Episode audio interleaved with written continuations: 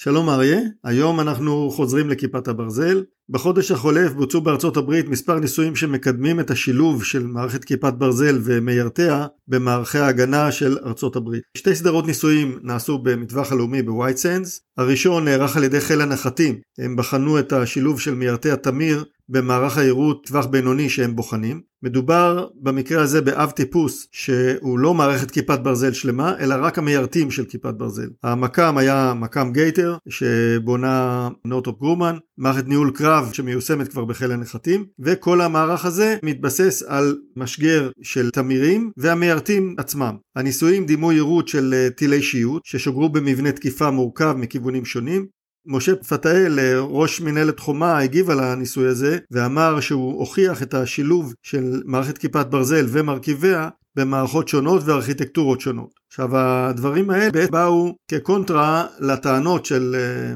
בכירים בצבא ארצות הברית שמערכת כיפת ברזל לא יכולה להשתלב במערך ההגנה של הצבא. אה, במקרה הזה המרינס עשו את הניסוי הזה והמרינס הרבה יותר גמישים מהצבא, אבל הם לא רוכשים עדיין את אה, כיפת ברזל.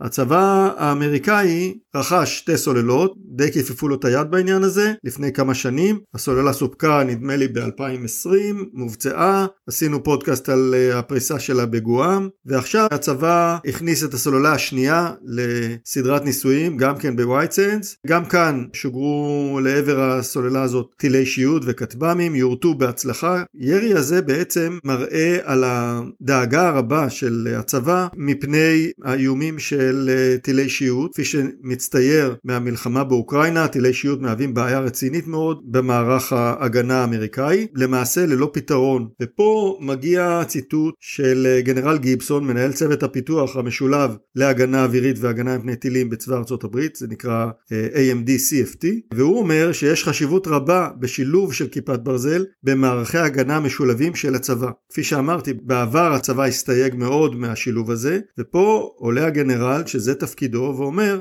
שהנושא הזה הוא חשוב. אה, כמה חשוב וכמה הדברים שלו מהווים שינוי, ימים יגידו. כן, אה, בהחלט אה, התפתחות מעניינת.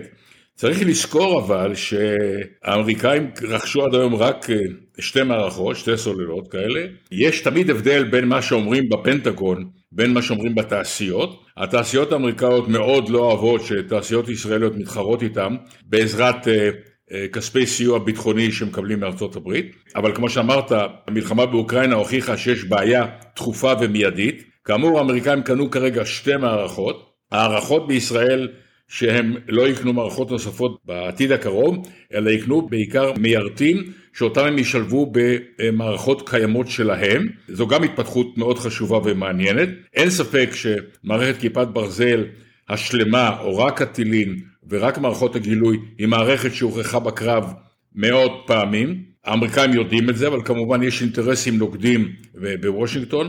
בכל מקרה, המערכת הזאת תישאר בכותרות לעוד הרבה זמן, כי היא נותנת פתרון. השאלה היא אם במשחק הכוחות בוושינגטון תתקבלנה החלטות לרכוש כמויות יותר גדולות של המערכת הישראלית. אנחנו נמשיך לעקוב אחרי הנושא המעניין הזה ונדווח לכם באחד מהפודקאסטים הבאים. תודה תמיר.